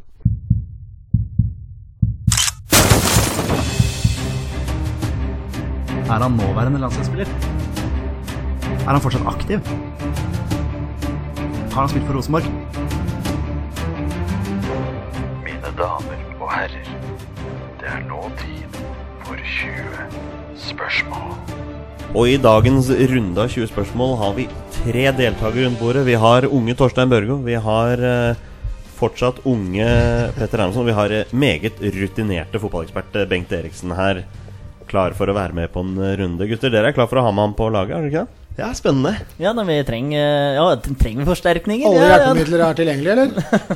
Nei, det, du må nesten legge vekk telefonen. Kun hodet ditt, kun hodet ditt, Bengt. Kun hodet ditt. Går igjennom en eh, kjapp runde med reglene før vi begynner. Jeg har navnet på en spiller som har minst én A-landskamp for Norge.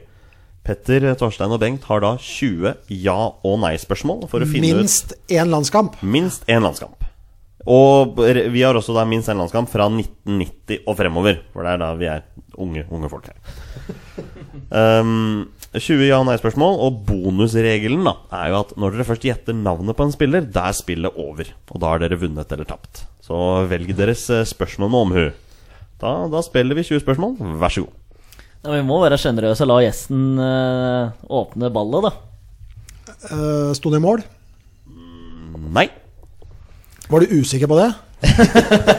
det er ikke noe spørsmål. Jeg bare Jeg måtte bare flytte litt på mikrofonen der. Så jeg bare, bare sikker på at jeg snakket jeg, jeg, Nei. Kan, jeg kan stille til deg, da. Uh, er han fortsatt aktiv? Nei. Da har vi fått avklart det. Uh, vi kan peile oss inn på posisjonen, da. Ja. Eh, spiss? Ja. Ok. Ja, da hopper det jo noen navn i hodet her. Eller unna meg nå må jeg faktisk være Du sa spiss. Ja. Ja, jeg, jeg, hvis vi kan Angrepsspiller, da. Angrepsspiller. Angrepsspiller, der er vi med. Ja. Ok.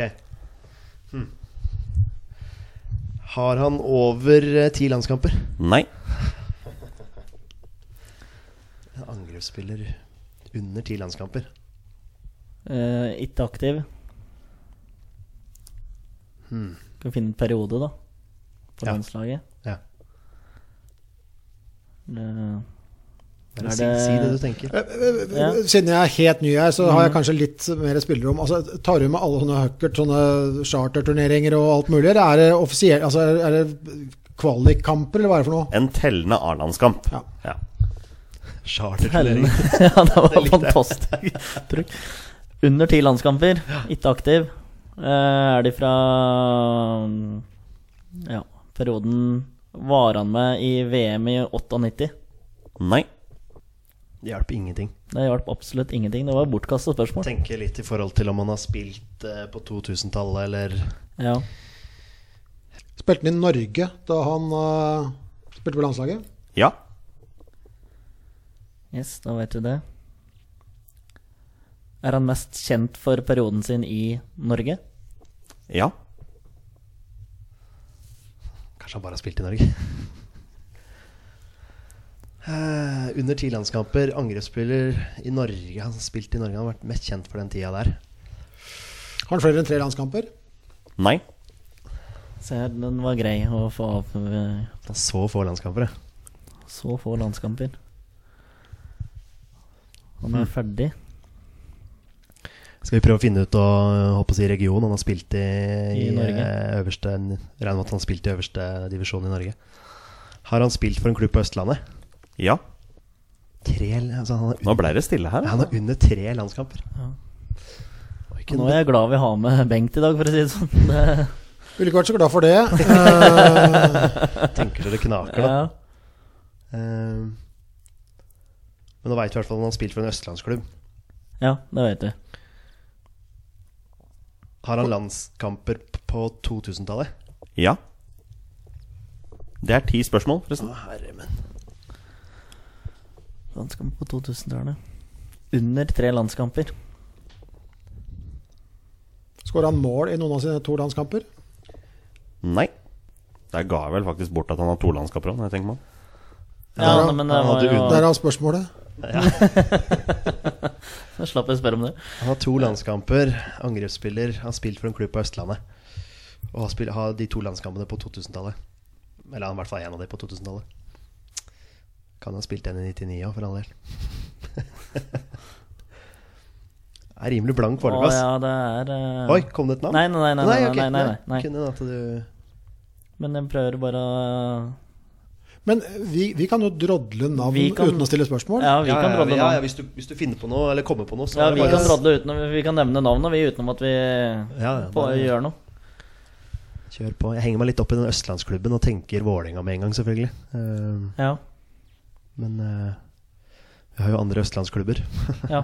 Vi har eh, Lillestrøm, Stabæk, se, Lillestrøm, Spiss Jeg tenker bare Clayton Sane på Lillestrøm. Han er ikke A-landskamp for Nei, Norge. det, det er Kan eh, jeg- Clayton Sane var vel heller ikke norsk pass, han det? Nei, han er jo ikke det. Det måtte Clayton bare Sane er kjent for en annen ting.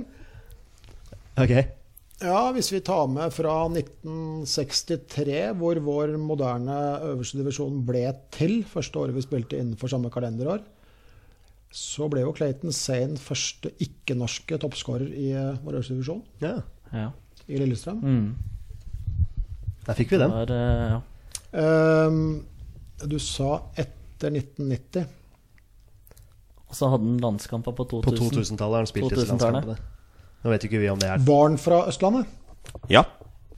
to landskamper. Ja, det dumme med dette her er at vi kommer til å le høyt uh, når vi enten løser det eller får høre det. Ja. Ehm, Men Nå føler jeg, Petter, du må, må ta i bruk din ekspertise her i forhold til eh, Du pleier å stille ganske relevante spørsmål. Men jeg tror du ikke trenger å spørre om han har spilt for Rosenborg nå. Det er, eh, ja, apropos relevans, Ja. da, nå skal ikke, jeg, eh, skal ikke jeg unnskylde meg på noe vis, men, men vi pleier liksom å prøve å subbe med oss det av forarbeid som har relevans. Og da kan du ikke gå og huske på alle som eventuelt måtte ha vært inne på på dette laget. Jeg er jo eh, Det er det som gjør det spillet her vanskelig noen ganger. Ja. Det er noen sånne navn som ikke eh, Man kan jo prøve å finne ut hvilken østlandsklubb han har spilt for, da. Ja, det kan jo Siden vi hjelpe på noe. veit konkret at han i hvert fall har spilt for en østland, østlandsklubb. Mm. Eh, men så er det det å begynne å bruke opp spørsmål på det. Altså, Ja, dere har bare brukt tolv spørsmål, og dere har mange spørsmål igjen. Ja. det, spørsmål det går fort, det. Eller sju, da. Så må vi ha en løsning. Ja. Det er ingen, ingen spørsmål dere pleier å bruke som dere har tenkt å bruke. hvilke, hvilke spørsmål pleier dere å stille, da? Nei, vi pleier å finne ut om uh, over tre landskamper, i hvert fall. Uh, Og det veit dere jo. det vet vi jo. Eh, uh, uh, uh, uh. Men eh, Vi kan jo spørre om han har spilt i utlandet og sånn, men, om han har, men han er mest kjent for Mest tida si i, tida tida si i Norge. Norge. Så det kan jo godt tenkes at han ikke har spilt i utlandet, for alt vi veit. Har han spilt for Vålinga? Nei. Nei, da bare utelukker vi det. og slapper jeg å tenke mer på Vålinga. Han har så få landskamper òg. Har du noen, Men navn, altså, har du jeg- navn som dukker opp? jeg bare dukka opp Arild Sundgodt for meg. Ja. Men han er ikke østlending. Du spurte vel om han var Ja, fra Østlandet? Jeg Spurte om han var fra Ja, Arild Sundgodt er Ja, ikke det er fra akkurat det. Østlandet. Arild Sundgodt er ikke fra Østlandet. Men hvis du tenker Lillestrøm da, Bengt, så er det noen uh, angrepsspillere du tenker. Han var veldig sånn påpasselig på at det ikke var spiss, men han var angrepsspiller, så jeg vet ikke om det har noen ting å si. Ja. Og så har han lagt opp. Eh, det er eh, greit å bare ha ja, bare et par landskap, liksom. Altså Ja. på 2000-tallet. Ja. Det er jo ikke Uh, bruker jeg opp spørsmål hvis jeg, hvis jeg spør på følgende måte? Du sier at han var angrepsspiller. Eh, hvis de da spilte med en firer på midten, kan han da ha spilt på kanten på midten? Eh, Du, altså, du skal ikke få noe Jeg skal ikke trekke deg svar derfra, men jeg kan si at spilleren det er snakk om primært ble brukt som en slags kantspiller. Okay. Men jeg vet han også har spilt spiss. Det er derav angrepsspiller, da, kan du si. ja. Så det kan hende at han har spilt en, en kantrolle i en 4-4-2 også. Men uh, for meg primært, og det han ble brukt på på landslaget i de kampene han spilte, så var han en angrepsspiller. Men uh, ja. Uh...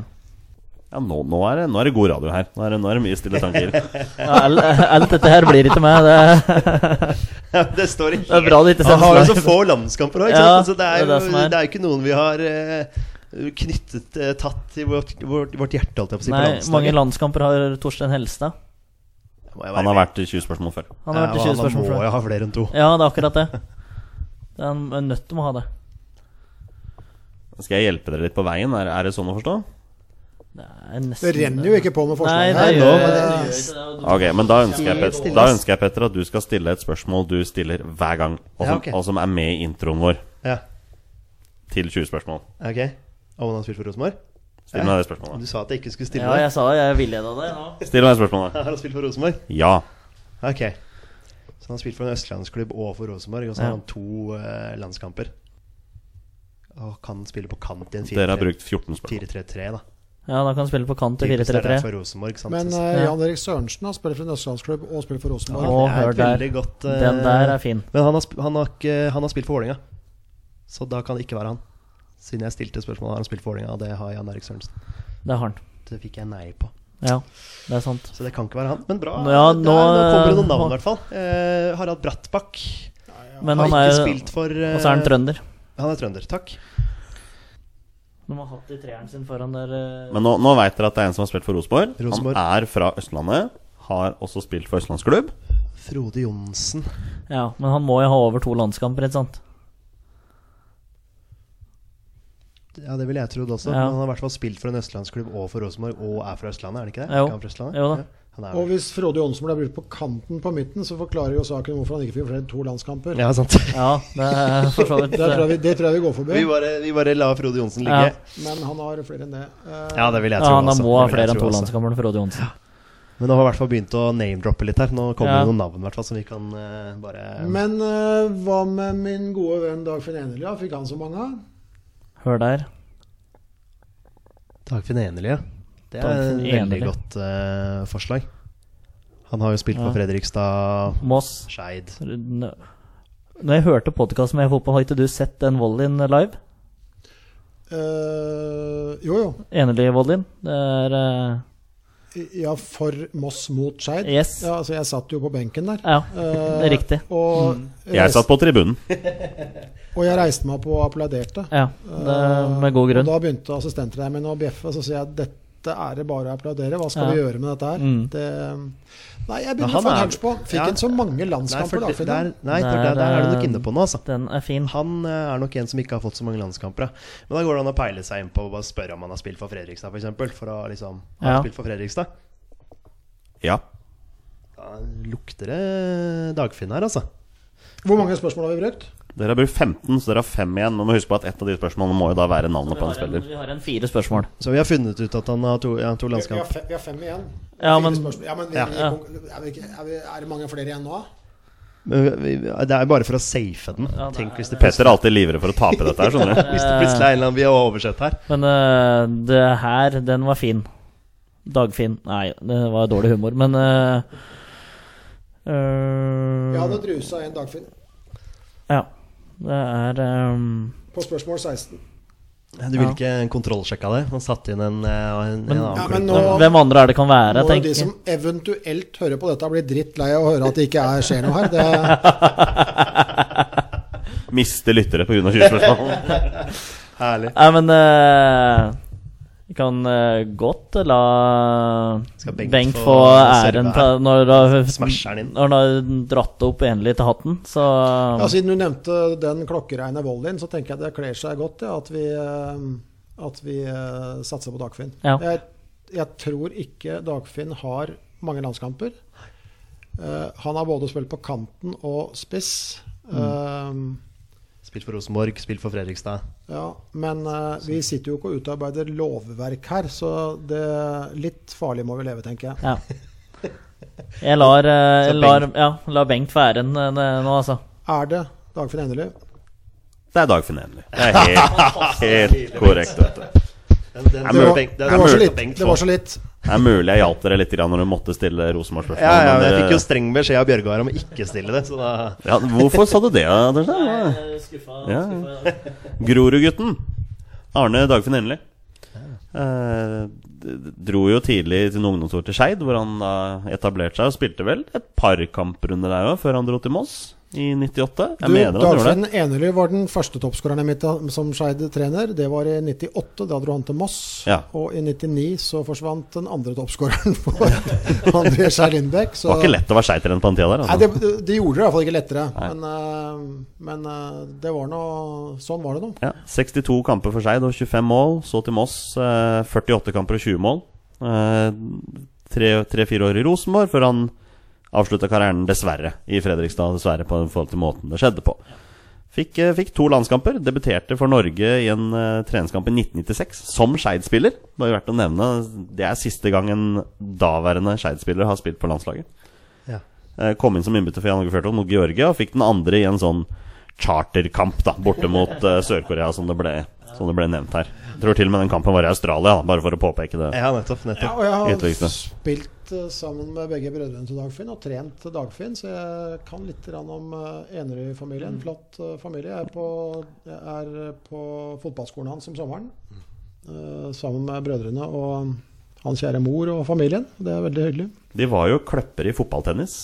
Hele brødrefamilien var jo til og med deltok i noe VM og EM i disse greiene her også. Det husker jeg faktisk fra 90-tallet. Ja, Steinar, eh, eldstemann, er jo ett år eldre enn meg, vel. Uh, var en fantastisk uh, ung, lovende fotballspiller. Og jeg uh, det, det er egentlig en liten gåte at han ikke gjorde det bedre på, på, i Vålinga. Han kjørte rundt med oss på trening, og han Men det var litt eh, Låste seg litt for han. Han uh, Utrolig teknisk flott spiller. Vet du siste oppdatering om Dagfinn nå?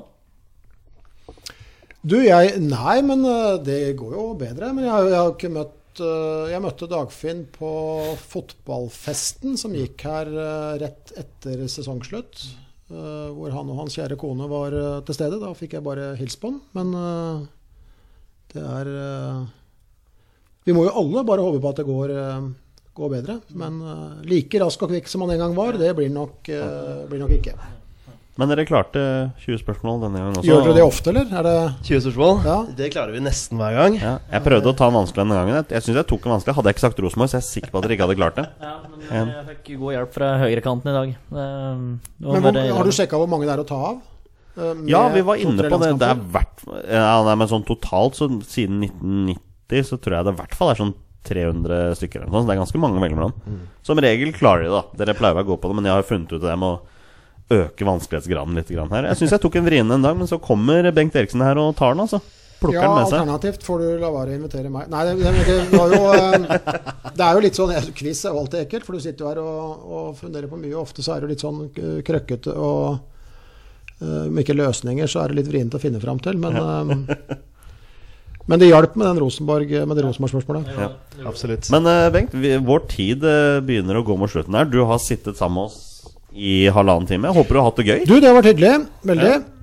Det har jo bare pratet ball. Jeg, jeg har kost meg, Petter. Hva syns du? Storkost meg. Ja. Uh, ja. Torstein, dette var en av dine drømmegjester. Du må jo gå rundt med hjerter i øynene her. Ja, det her er balsam for øra, altså. Så det var litt morsomt at forrige tirsdag så sa jeg Bengt Eriksen var drømmegjest, og onsdag så gikk det boks. Så det her er eh, Du helt verden, suverent. bare pisk meg mer. Men uh, skal vi snart begynne å snakke om det vi egentlig skulle snakke om? Er det, er det, Nei, nå, nå, nå kjenner i hvert fall jeg at disse Paracetene jeg har knaska i dag, begynner å gå tom. eh, Så kroppen begynner å si stopp, og jeg er ganske sjuk. Petter, du er ikke i god form, du heller. Må si det. Må jeg såpass Det har vært bedre. Det har vært bedre. Ja. Så tusen takk for at du kom, Bengt. Det har vært en fornøyelse. takk for at jeg fikk Ja. komme. Da er det på tide å avslutte denne gangen. Vi er våre beste menn. Heia Norge. Hei, Norge. Hei, Norge. Og hei!